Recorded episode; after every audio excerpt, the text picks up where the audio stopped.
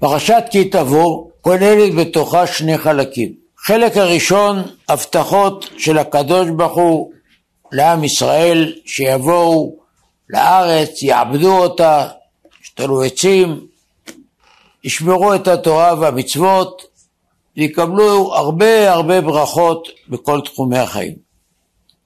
החלק השני הוא בדיוק להפך. אם לא ישמרו את המצוות, אז יבואו להם הרבה הרבה קללות, 98 קללות בכל סוג שהוא, בגוף, בנפש, ברחוב, כולל הגליה מארץ ישראל. שני דברים. עכשיו לתורה ארבע פנים, פשט, רמז, דרוש, סוד, פרדס. והנה על דרך הרמז כתב הגאון רבי שמואל מלצן מסלוצק שרבי חיים מוולוז'ין שמע מהגר"א.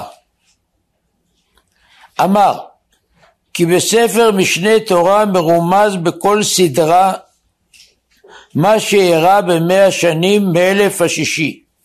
כסדר עשר פרשיות נגד עשר מאות. כי ניצבים וילך נחשבים לאחד כידוע. ולפי זה דעת נבון להקל כי הרעות רבות וצרות אשר ישיגונו ועוונותינו הרבים במאה השביעית הזאת מרומזים בקללות של פרשת כי תבוא. ספר אמונה והשגחה שנתפס לפני 150 שנה, 1864. נבהר מה שכתוב כאן. דברים מדהימים. באלף השישי, שהוא האלף האחרון, כי כתוב בחז"ל שהעולם יהיה קיים רק ששת אלפים שנה, יש עשר מאיות, בכל אלפייה יש עשר מאיות. אומר הגר"א שבכל פרשה מרומז בדיוק מה יהיה בהיסטוריה. אם אדם ילמד טוב את הפרשה הוא יבין את מה שהיה וגם יבין את מה שיהיה. כדי להבין את הדברים אתן לכם את הדוגמאות. המאה השישית זה משנת תקא 501 מתחיל מאה שישית עד תר 600 בלוח הכללי זה תאריך 1840 1740 עד 1840 פרשה שישית כי תצא תולדות המאה השביעית משנת תר"א עד תש 1840-1940 פרשה שביעית זה הפרשה שלנו כי תבוא. זה על המאה השמינית משנת תש"א עד תת 1940 עד 2040 זה מרומז פרשת ניצבים וילך אנחנו נתמקד בעיקר בפרשת כי תבוא אבל כדי לתפוס כיוון נציץ. נציץ גם לפרשויות הקודמות. בואו נבדוק פרשת כי תצא. מה מתארת התורה? אדם יוצא למלחמה אל הגויים ושם הוא רואה בחורה יפה, אשת יפת תואר, גויה, והוא חושק בה, והוא לוקח אותה. למה קוראים לזה? אסימילציה, התבוללות. התורה מתארת פריצה אל תוך שטחי האויב וראיית בחורות גויות והיהודי רוצה אותה. וזה נגרם על ידי ההתנהגות של הגויים כמו שרש"י אומר בהתחלה ותראו ברמב"ן פירט בזה באריכות. בואו נערוך את המקבילה ההיסטורית. תנועת ההשכלה דרשה שוויון זכויות, אמנציפציה. מה יצרה אמנציפציה? התבוללות. כל גדולי הדור היו נגד שוויון זכויות, כי הם ידעו מה יקרה אחר כך. הם התנגדו לזה. מי התחיל? השוליים, העשירים הגדולים, שהיו מחוברים לגויים, הם דרשו את זה. בשנת 1743, תק"ג, אתם זוכרים המאה הזאת של כי תצא, מתחילה בתק"א. מגיע משה מנדלסון מהונגריה לברלין, הוא נקרא אבי ההשכלה. אם כי הוא היה אדם שומר מצוות, אם כי הוא היה תלמיד חכם, אבל הוא הטיף לקומוניקציה טובה עם הגויים. אנחנו צריכים לתקן את הגויים. אנחנו חיינו בעולם אחר. אינם לבדד ישכון. בגויים לא התחשב. הוא בא עם פתיחות. מה הייתה התוצאה? כל הבנות שלו והנכדים שלו כולם התנצרו. והוא פתח את הדלת לכיוון ההתבוללות. פרשת ניצבים וילך, כאן מרומזת כל ההיסטוריה של המאה השמינית, 1941 עד 2040. על מה זה מדבר? על עלייה המונית לארץ ישראל. אתם ניצבים היום כולכם לפני השם אלוקיכם, ראשיכם, שבטיכם, זקניכם, שוטריכם, כל איש ישראל. אתם ניצבים לפני השם. איפה זה לפני השם? זה רק ארץ הקודש, ארץ ישראל. מי זה כולכם? זאת עלייה המונית, גורפת. מי זה? זה פליטי שואה. זה אוניות המעפילים שברחו מן המוות באירופה לכאן. עשירים ועניים, חכמים וטיפשים כולם. ניסו להתנצל, חלק קטן רק הצליחו. טפכם, נשיכם, גרך אשר בקרב מחדיך, חוטב עציך, שואל מאיך, כולם, כולם. אני ראיתי דוגמאות מהמאה אחר כך, מהמאה לפני כן. ואנחנו נעסוק עכשיו במאה של כי תבוא, שהיא מ-1840 עד 1940, שזה תחילת מלחמת העולם השנייה. אם כן, מה מתחילה? כי תבואו לארץ. אז מתחילה עלייה סלקטיבית של בודדים שבאים לארץ ישראל ומתחילים כאן ליזום גם חקלאות, כולם באו מציבור חרדי, כולם באו עם מגמה לקיים את המצוות. עכשיו אם תשאלו אותי מה אני עושה כאן בדרשה על פרשת שבוע עם היסטוריות, המשגיח רב חצקל זיכרונו לברכה אמר לנו שהוא קיבל מרבותיו שהדבר הכי חשוב לדבר עליו בדורות שלנו זה אמונה, אמונה ועוד פעם אמונה. וככה הוא עשה. ככה הוא עשה. ואנחנו נראה עכשיו, דרך מה שכתוב בפרשה, את חיזוק האמונה בצורה יוצאת מהכלל. יוצאת מהכלל. זה למעשה בנוי על מה שאמר הנביא חבקוק והגמרא בסוף מכות מדברת על זה. עד שבא חבקוק במידה מלאכת שנאמר בצדיק באמונתו יחיה. צדיק אמונתו יחיה. לפני שמשה רבינו גומר את הדרשה שלו שגול ספר דברים, האזינו השמיים ואדברה, אומר משה רבינו, זכור ימות עולם בינו, שנות דור ודור. מפרש את זה הגאון רבי אלחנן וסרמן, וזה הובא בקובץ מאמרים. נראה לפשוטו של מקרא קאי על הדורות ועל המעשים הנעשים בעולם. כמו שצריך להבין דברי תורה או להעמיק בהם, ואנחנו לומדים גמרא ורשב"א וריטב"א, הכל ללמוד, להבין, להעמיק, כמו כן צריך להתבונן בכל המאורעות הבאות לעולם ולמצוא יסודם על פי משפטי התורה. אתם שומעים? גם בהיסטוריה, אומר רב אלחונון, צריך להתעמק לא כמו שלומדים היסטוריה בבית ספר, תאריכים ושמות, בלי להתעמק ולהבין את שורש הדברים. בהנחה לעליון גויים, בהפרידו בני אדם, יצב גבולות עמים למספר בני ישראל. תראו ברש"י, קמו שבעים עמים כנגד שבעים ישראל שנכנסו למצרים. אומר רבי אלחונן וסרמן, המעשים הנעשים בעולם תכליתם רק בשביל ישראל. לדוגמה, גבולות העמים והמדינות בשנים האחרונות, כלומר לאחר מלחמת העולם הראשונה, שנקבעו אחרי המלחמה, צריך להבין ולזכור כי בטרם נכתבו בוורסאי. ורסאי זה מקום על יד פריז, שם התכנסו כל האומות אחרי המלחמה הראשונה בהיסטוריה שכל העולם היה מלחמת העולם הראשונה?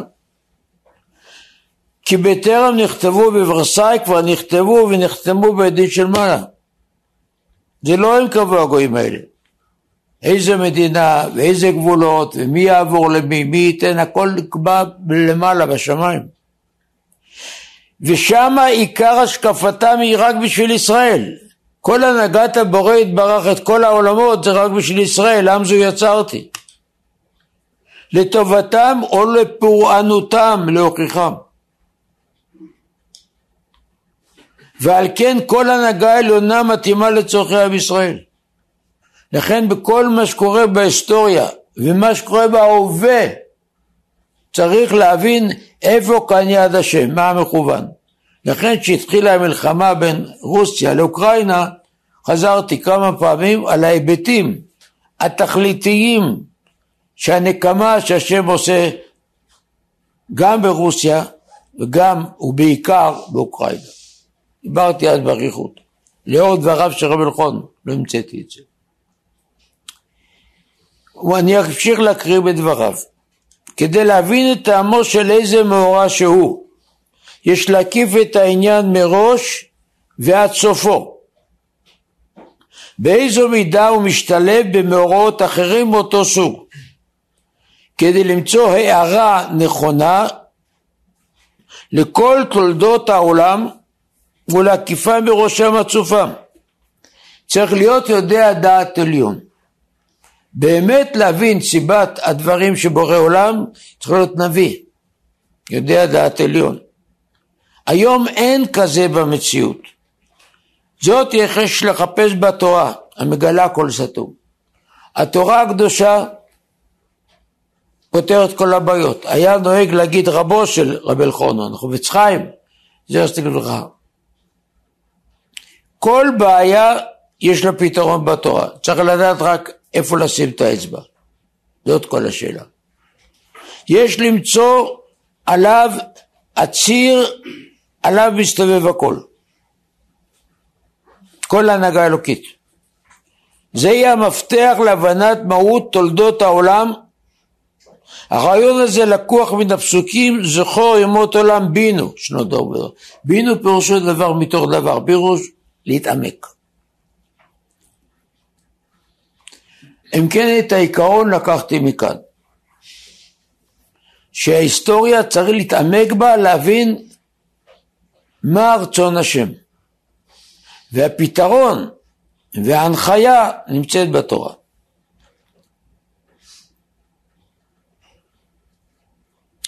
הרמב"ן טוען שפרשת בחוקותיי, שבה 49 קללות, מתייחסת לגלות הבית הראשון.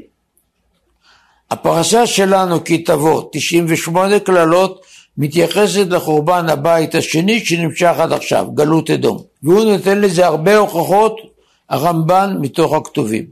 שתיים, לפי מה שדובר, כל הקללות 98 שקוראים פרשת כי תבוא, מתי הן צריכות לבוא מבחינה כרונולוגית? במשבצת של כי תבוא. המשבצת הזאת נגמרת 1940, תרצ"ט, אז זה נגמר. השואה חייבת לבוא לפני כן. במידה ולא חוזרים בתשובה, במידה וממשיכים לחטוא, זה חייב להתקיים אז. ומתי באמת התחילה השואה? שבועיים לפני סוף השנה. הקדוש ברוך הוא מחכה. מחכה שיחזרו בתשובה. לא חיכו בי"ז באלול, תרצ"ט. ערב שבת קודש כי תבוא. ערב שבת של הפרשה הזאת, זה מקרה? מקרה, היטלר למד פרשת שבוע? אחר הצהריים, שכבר התחיל אחרי הצהריים ביום שישי כידוע כבר זורחת קדושת השבת. הגיעו בבת אחת מאות, הפתעה, התקפת פתע.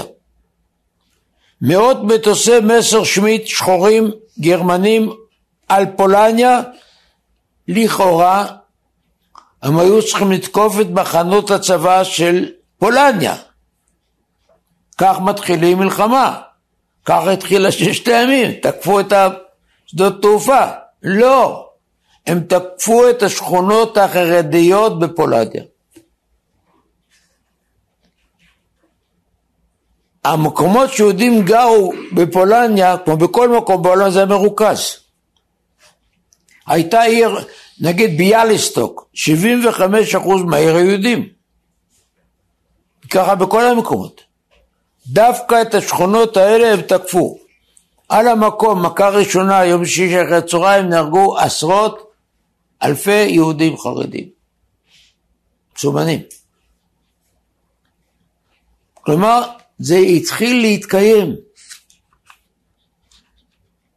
האם יש עוד ומופת גדול מזה? לא. הפרשה מתקיימת בדיוק בזמן. וכתוב בפרשה, ובאו אליך כל הקללות האלה ורדפוך והשיגוך. אל ישמדך, כי לא שמעת בקול השם אלוקיך לשמור מצוותיו. והנה תראו שזה מתאים בדיוק לתאריך שהגר"א כתב. בתורה כתוב שאם לא ישמרו את המצוות, יתקיים הפסוק באיוב, כי פועל אדם ישלם לו. מי שיקיים מצוות, השם ייתן להם שכר. חס ושלום עבירות, עונש. אומרים את זה בשמע ישראל בוקר וערב. בבא קמא דף נ עמוד א', אמר רבי חנינא כל האומר הקדוש ברוך הוא ותרן, הוא יוותרו חייו. כלומר הוא לא מוותר כלום. על כל חטא חייב לבוא עונש. וחייב. אבל הקדוש ברוך הוא מעריך אפו.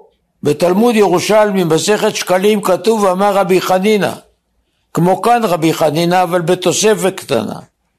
מי שאומר הקדוש ברוך הוא ותרן, יוותרו בני מאה ויחתכו לו את המים. הוא לא מוותר. מעריך רוחה וגבי דילה. כלומר, הוא מעריך את הזמן, נותן צ'אנס לחזור בתשובה. אם בן אדם המדליק חשמל מיד מת, מי חוזר בתשובה? אם עוונות תשמור, מי יעמוד? זה כאילו מעריך. אבל בסוף מגיע איזה דדליין. הדדליין כאן כתוב בתורה הוא בסוף פרשת כי תבוא. זה חייב לפנות לפני 1940. זמן ההמתנה תם.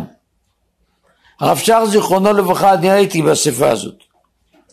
דיבר פעם, ב-1990, לפני אלפי אלפי אנשים בחוף עם רמקולים, בבני ברק. ואמר, תדעו לכם, כל הרבנים הזהירו אתכם 150 שנה מהתחלת ההתבוללות, שיבוא יום של נקם ושילם. צחקתם, אה? אז הנה זה בא. אז הייתה שואה. אני מזהיר אתכם, ההתבוללות נמשכת בכל העולם. אנחנו יושבים על פצצה מתקתקת. מתי זה יקרה אני לא יודע. גם אז לא ידעו, אבל זה יקרה. ככה הוא דיבר. ולכן הוא נתן לנו תאריכים בתורה. אז תרצ"ח, תרצ"ק, בקיצור, הזמן הולך להיגמר. לא חזרו בתשובה, אלא נהיו יותר רשעים ויותר רשעים. קמו תנועות קומוניסטים, בודהיסטים, שומר הצעיר, שחרטו על הדגל שלהם להילחם באלוקים. זאת התזה. שכל המפלגות השמאלניות האלה. ובעיתון שלהם הייתה כותרת כל יום, החרדים הם אסוננו. לא הייתה לקדוש ברוך הוא ברירה. אנשים שואלים, למה הייתה שואה? ואני אומר, השאלה, אם לא הייתה, הייתה פי עשר יותר קשה. הנה אלוהים אומר שהוא ייתן עונש, כבר עברו 100, 150, 200 שנה והוא לא מעניש אף אחד. איך אומרים? סתם איומים. מה הייתי עונה? אני לא יודע, לא הייתה לי תשובה. לא הייתה לי תשובה. לעומת זאת השאלה למה הייתה שואה, כתוב שזה יקרה, כמו שכתוב שהשמש נזרח, מה אתה רוצה? בדיוק כמו שכתוב שמי שיתפסו אותו נוסע במהירות מופרזת יקבל שתי נקודות, יקבל קנסות וכדומה. בכל מדינה, בכל מערכת חוקים יש עונשים על מי שלא מקיים את החוקים וכתובים מראש כמה שנות מאסר וכמה קנסות וכדומה, מה יש לכם שאלה בכלל? השאלה היא בנאלית לחלוטין. הפוך, אם לא הייתה שואה, לא הייתי יודע מה לענות. אקריא לכם עוד דבר מדבריו של רבי אלחונו. ככה הוא כותב. כדי להזהיר את העם מה הולך להיות, אומר רב אלחונון, הקדוש ברוך הוא הקים עלינו את החיה הנאצית, ראשית. אומר רב אלחונון, עבודה זרה זה לאו דווקא איזה עץ, איזה עבד, איזה פסל. כל הבנה של בני אדם שיש דבר שיכול לעזור, להיות טוב לבני אדם, חוץ מהתורה זה עבודה זרה. כי לקח טוב נתתי לכם תורתי עוד תעזובו. אמרו חז"ל אין טוב אלא תורה. נציונליזם זה עבודה זרה, קומוניזם זה עבודה זרה, ציוניזם זה עבודה זרה, אין, אין עוד מלבד. א', שתי עבודות זרות, הראשיות, שהיהודים עבדו להם, היו נציונליזם, לאומיות, ציונות, וסוציאליזם. מי הקים את הסוציאליזם? יהודים. מי הקים את הקומוניזם? יהודים. מרקס נתן את האידיאולוגיה וטרוצקי ייסד את המדינה הרוסית. אומר רב אלחונן, הקדוש ברוך הוא שילב את שתיהם. מי שקצת מבין בפילוסופיה, הוא יודע שהתיאוריה הסוציאליסטית היא אנטי של נציונליסטית. שתי קצוות ברמה הפילוסופית. הקדוש הוא יצר מפלגה שהיא נציונל סוציאליסטית, שכוללת שתי ניגודים. זה השם של המפלגה הנאצית. ולנאצי זה ייחוד של שני הדברים. להראות שהם עכשיו יכו בכם. שני האלוהים שאתם עשיתם אותם, שני האלוהים שאתם סוגדים להם, הם הגולם יקום על יוצרו. זה מה שמסביר כאן. האידיאולוגיה הראשונה שלכם נהיה ככל הגויים בית ישראל. אינטרנשיונל. האידיאולוגיה ההפוכה זה הציונות. אז קם גוי אחד, היטלר יימח שמו, ועשה מפלגה שכוללת שני אלמנטים שאתם יצרתם אותם ואתם תראו שזה ייפול על הראש שלכם. אז מתי שקמה המפלגה הזאת, מה היו צריכים לעשות היהודים? לחזור בתשובה. להבין, להבין את מה שקורה. נקריא לכם את דבריו. הטומאות להם סגדו, הם החובלות בנו, תייסרי רעתך. אז מאמר מוסגר אני אספר לכם. כשהיטלר עלה לשלטון, כתב העיתון כאן בארץ, שנת 33, תעזבו, היטלר סתם דיבר נגד יהודים והכל כדי לקבל קולות. אבל עכשיו שהוא בשלטון, יהיה בן טוב, תרבותי, נימוסי, יזרוק את כל האידיאולוגיות. ככה. העיתון לאנשים חושבים. אבל התורה כתבה את ההפך. התורה כתבה שבמאה השביעית, אם לא ישברו את התורה, קבלו מכות. לכן זה לא נפל עלינו כיום בהיר. הרב יצחק קוטנר, מגאוני הדור, אמר שהיהדות החרדית לא מקבלת את המילה שואה. אנחנו קוראים לזה חורבן יהדות אירופה. יש חורבן הבית הראשון, חורבן הבית השני, חורבן יהדות אירופה. למה? כי המילה שואה בלשון הקודש, כמו שהופיע בנביאים, פירושה אסון בלתי צפוי. זה הפירוש שואה. כאן זה כן היה צפוי. כאן זה הגיוני. בזה שהם נתנו את המילה שואה, תבינו, הם שוב ביססו את הכפירה. השואה היא לא תוצאה של חטאים, היא לא הייתה צפויה. אומר רב אלחונן הייתה צפויה. אומר רב וודנר הייתה צפויה. היא כתובה בתורה, בנביאים, בכתובים. ולכן בהמשך, היטלר כתב את הכל בספר שלו, Mein Kampf. הוא כתב את הספר בשנת 23, 1923 תרפ"ג ופרסם אותו 1925. ושם הוא כותב, תקשיבו טוב, שהוא מפחד מאוד מהיהודים. הם אנשים מאוד מסוכנים.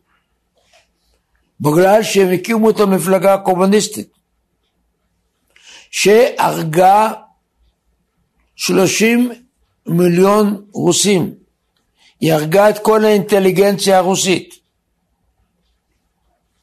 וזה הם רוצים לעשות לגרמניה עכשיו. המדינה הבאה בתור אחרי רוסיה זה גרמניה.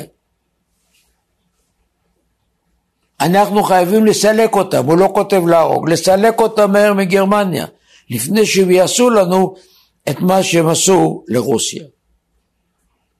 כל ספרי ההיסטוריה שאתם למדתם, ספר סודי, תיכון, אוניברסיטה, זה לא כתוב. הם לא מצטטים את המנקאמפ. למה? כי כל מערכת החינוך זה שמאלנים. הם לא רוצים לכתוב שהם והאידיאולוגיה שלהם עשו את השואה. הוא לא מזכיר חרדים, לא מזכיר דתיים, לא מזכיר כלום. והוא חוזר על זה הרבה מאוד פעמים, זה מפורסם. שהסיבה שהוא שונא את היהודים כי הם עשו את הקומוניזם. אז מה אתם רוצים שהשמאלנים יכתבו את זה? לקח לי הרבה זמן למצוא את זה. כתוב בקהלת, במקום המשפט שם הרשע. במקום שהתחילה ההתבוללות, התחילה השכלה בגרמניה, שם נוצרה תורת הגזע. וכדי להוכיח שזה יד אלוקים, לא היה בתולדות האנושות. מנהיג של מדינה שהיה בור לחלוטין. אין לו שום ידע, שום מדע, שום מעמד חברתי, שום כלום. מובטל. הוא חי מקצבת אבטלה. כל מנהיג מתחיל בדרגה, חבר עירייה, סגן ראש העיר, ראש העיר, חבר כנסת, סגן שר, שר, הוא מאפס נהיה ראש ממשלת גרמניה, פירר, קאנצלר. אתם שמעתם דבר כזה? לא, זה לא היה. ומה עוד? המדינה הכי תרבותית, הכי מדעית בתולדות האנושות הייתה גרמניה בתחילת המאה העשרים. שיא המדע, שיא התרבות, שיא הפילוסופיה, מה שאתם רוצים. אז איך לוקחים כזה בן אדם חדל אישים והוא נהיה ראש? אז אלוקים הראה, לא מת על תהליכים טבעיים, הגיוניים. מיד שהוא עלה לשלטון, שלושים לראשון שלושים ושלוש, התחיל גל פיראות נגד יהודי גרמניה. נו תחזרו בתשובה, לא. תקשיבו עכשיו אבל טוב.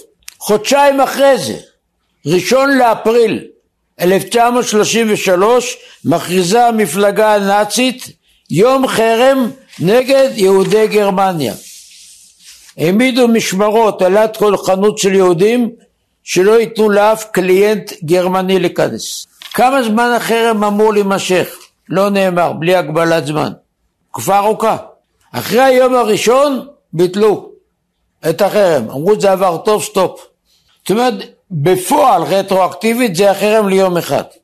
נו תגידו לי איזה יום זה היה? יום שבת. מהשמיים הראו להם, אם אתם לא רוצים לסגור חנויות בשבת, אז יבואו הנאצים ויסגרו לכם את החנויות. כל אדם עם קצת היגיון תופס עניין כזה, לא הם. לא הם.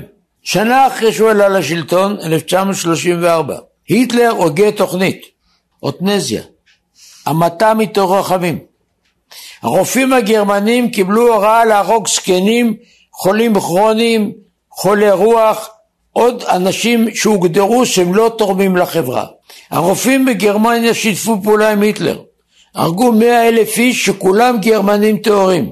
הדבר הזה לא היה מעולם בשום מדינה. זה עורר התנגדות חזקה בקרב האוכלוסייה בגרמניה, והוא נאלץ לעצור את זה. מה זה בא ללמד? אתם עיתון הארץ, אתם אנשים שמבינים כביכול סוציולוגיה, תדעו אם יש לכם עסק. אם הוא הורג מאה אלף גרמנים, מה הוא עושה ליהודים? זה אדם ללא רחמים, ללא סנטימנטים. אל תחשבו שיש לכם כאן איזה יפה נפש. תסיקו מסקנות. לא, לא עשו את זה. והעם הגרמני שיתף אותו פעולה מלאה. מלאה. בי"ז באלול, שוב שימו לב, י"ז באלול, תרצ"ק, 15 לתשיעי 1935, שנתיים אחרי שהוא עלה לשלטון, היטלר, חוקקו חוק בעיר נירנברג, שאסרו על יהודי להתחתן עם גויה, ולא להחזיק בבית משרתת נוכריה. ומי שיעשה את זה, ארבע שנות מאסר. מי שלא עוזרת, משרתת, גויה בבית, ארבע שנות מאסר. והסעיף השלישי, אסור ליהודי להניף דגל גרמני. מי שיניף דגל גרמני יחבצו. נו, אתם יכולים לצאת לרחוב, כולל האוניברסיטה, איפה המשכילים, תשאלו אותם, אתם בעד חוקי נירנברג או נגד? אה, תוך נגד, מה זה קורה? חוקי נירנברג. תשאלו אותם, מה כתוב בחוקי נירנברג? למה אתה נגד? מה כתוב שם? לא יודעים. אז מה שכתוב בחוקי נירנברג כתוב בשולחן ערוך. אסור ליהודי להתייחד עם גויה, שלא לדבר, להתחתן איתה. אז מה כתוב בשולחן ערוך לא רציתם לעשות? אז הביאו לכם מישהו שיכתוב את זה בחוק הגרמני, וכאן תיאלצו לעשות את זה. אז אמרו לב טוב, לא רציתם לשמור שבת, סגרו לכם את החנויות. אתם רוצים גויות, יצאו לכם חוק של ידי. נו, זה לא סימנים מובהקים שזה הכל מהשמיים? גם עיוור היה רואה את זה. האם זה שהשואה מתחילה בערב פרשת זכור אחרי צהריים, מישהו יכול להגיד שזה מקרה? ודאי שלא. וככה אני יכול לספור לכם פרט לפרט, תאריך לתאריך, עובדה לעובדה, שכל אחד יבין. אנחנו מבחינה היסטורית נוטים לראות באיחוד הפלישה הגרמנית לאוסטריה את תחילת המלחמה. היטלר פלש לאוסטריה, שגם שם מדברים גרמנית וגם הם שייכים לגזע הגרמני. הוא טען שהם ביקשו ממנו, ביקשו. שני חלקי האומה הגרמנית שהיא עמלק על פי הגר"א התאחדו. מתי זה היה? שבת פרשת זכור תרצ"ח. היטלר קרא פרשת שבוע? הנה לכם, הנה לכם את זה ברור, כשמש, שבת לפני פורים, שקוראים פרשת זכורות אשר עשה בך עמלק, עמלק מתאחד. קוראים לזה בהיסטוריה אנשלוס. אנשלוס. אני לא שמתי לזה לב, כי אני קורא ספרים תאריך לועזי, לא כמו כל ספרי ההיסטוריה. מתי שמתי לב? כשאחד חסיד בלס תיאר באוטוביוגרפיה שלו שבשבת הזאת הוא היה בבלס אצל הרבי הקדוש רבי אהרון, זיכרונו לברכה. ופתאום באמצע היום בשבת אמרו שעכשיו הם נכנסו לווינה, לאוסטריה. והרבי קרא לו, לחסיד הזה, אמר לו אתה נוסע היום הביתה, נכון? בלילה. אז תדע לך שעלה לשלטון אחד רשע שיש לו בשמיים עכשיו כוח אדיר, אני אפילו מפחד להגיד את השם שלו. אסור להגיד את השם שלו. עד כדי כך הכוח שלו גדול. ועכשיו השני חלקי עמלק התאחדו. אז תעבור דרך הקבר של הרבי רבי אלימלך ותתפלל בשמי שם. אז פתאום שמתי לב לזהות הזמנים. זה הפרשה אומרת. איי, אנחנו קוראים את זה, זה דרשה מאוד ארוכה עם עוד הרבה פרטים. אולי בהזדמנות נמשיך את זה. ויהי רצון שהעם הזה שהוא עיוור, יקוים בו דברי הנביא. הנביא אומר, העיוורים ראו והחרשים שמעו, ויראה את ההנהגה האלוקית בכל מה שקורה, הן בעבר והן בהווה, ויפקח עיניים, ויחזור כולם בתשובה שלמה, ונאמר אמן. אמן.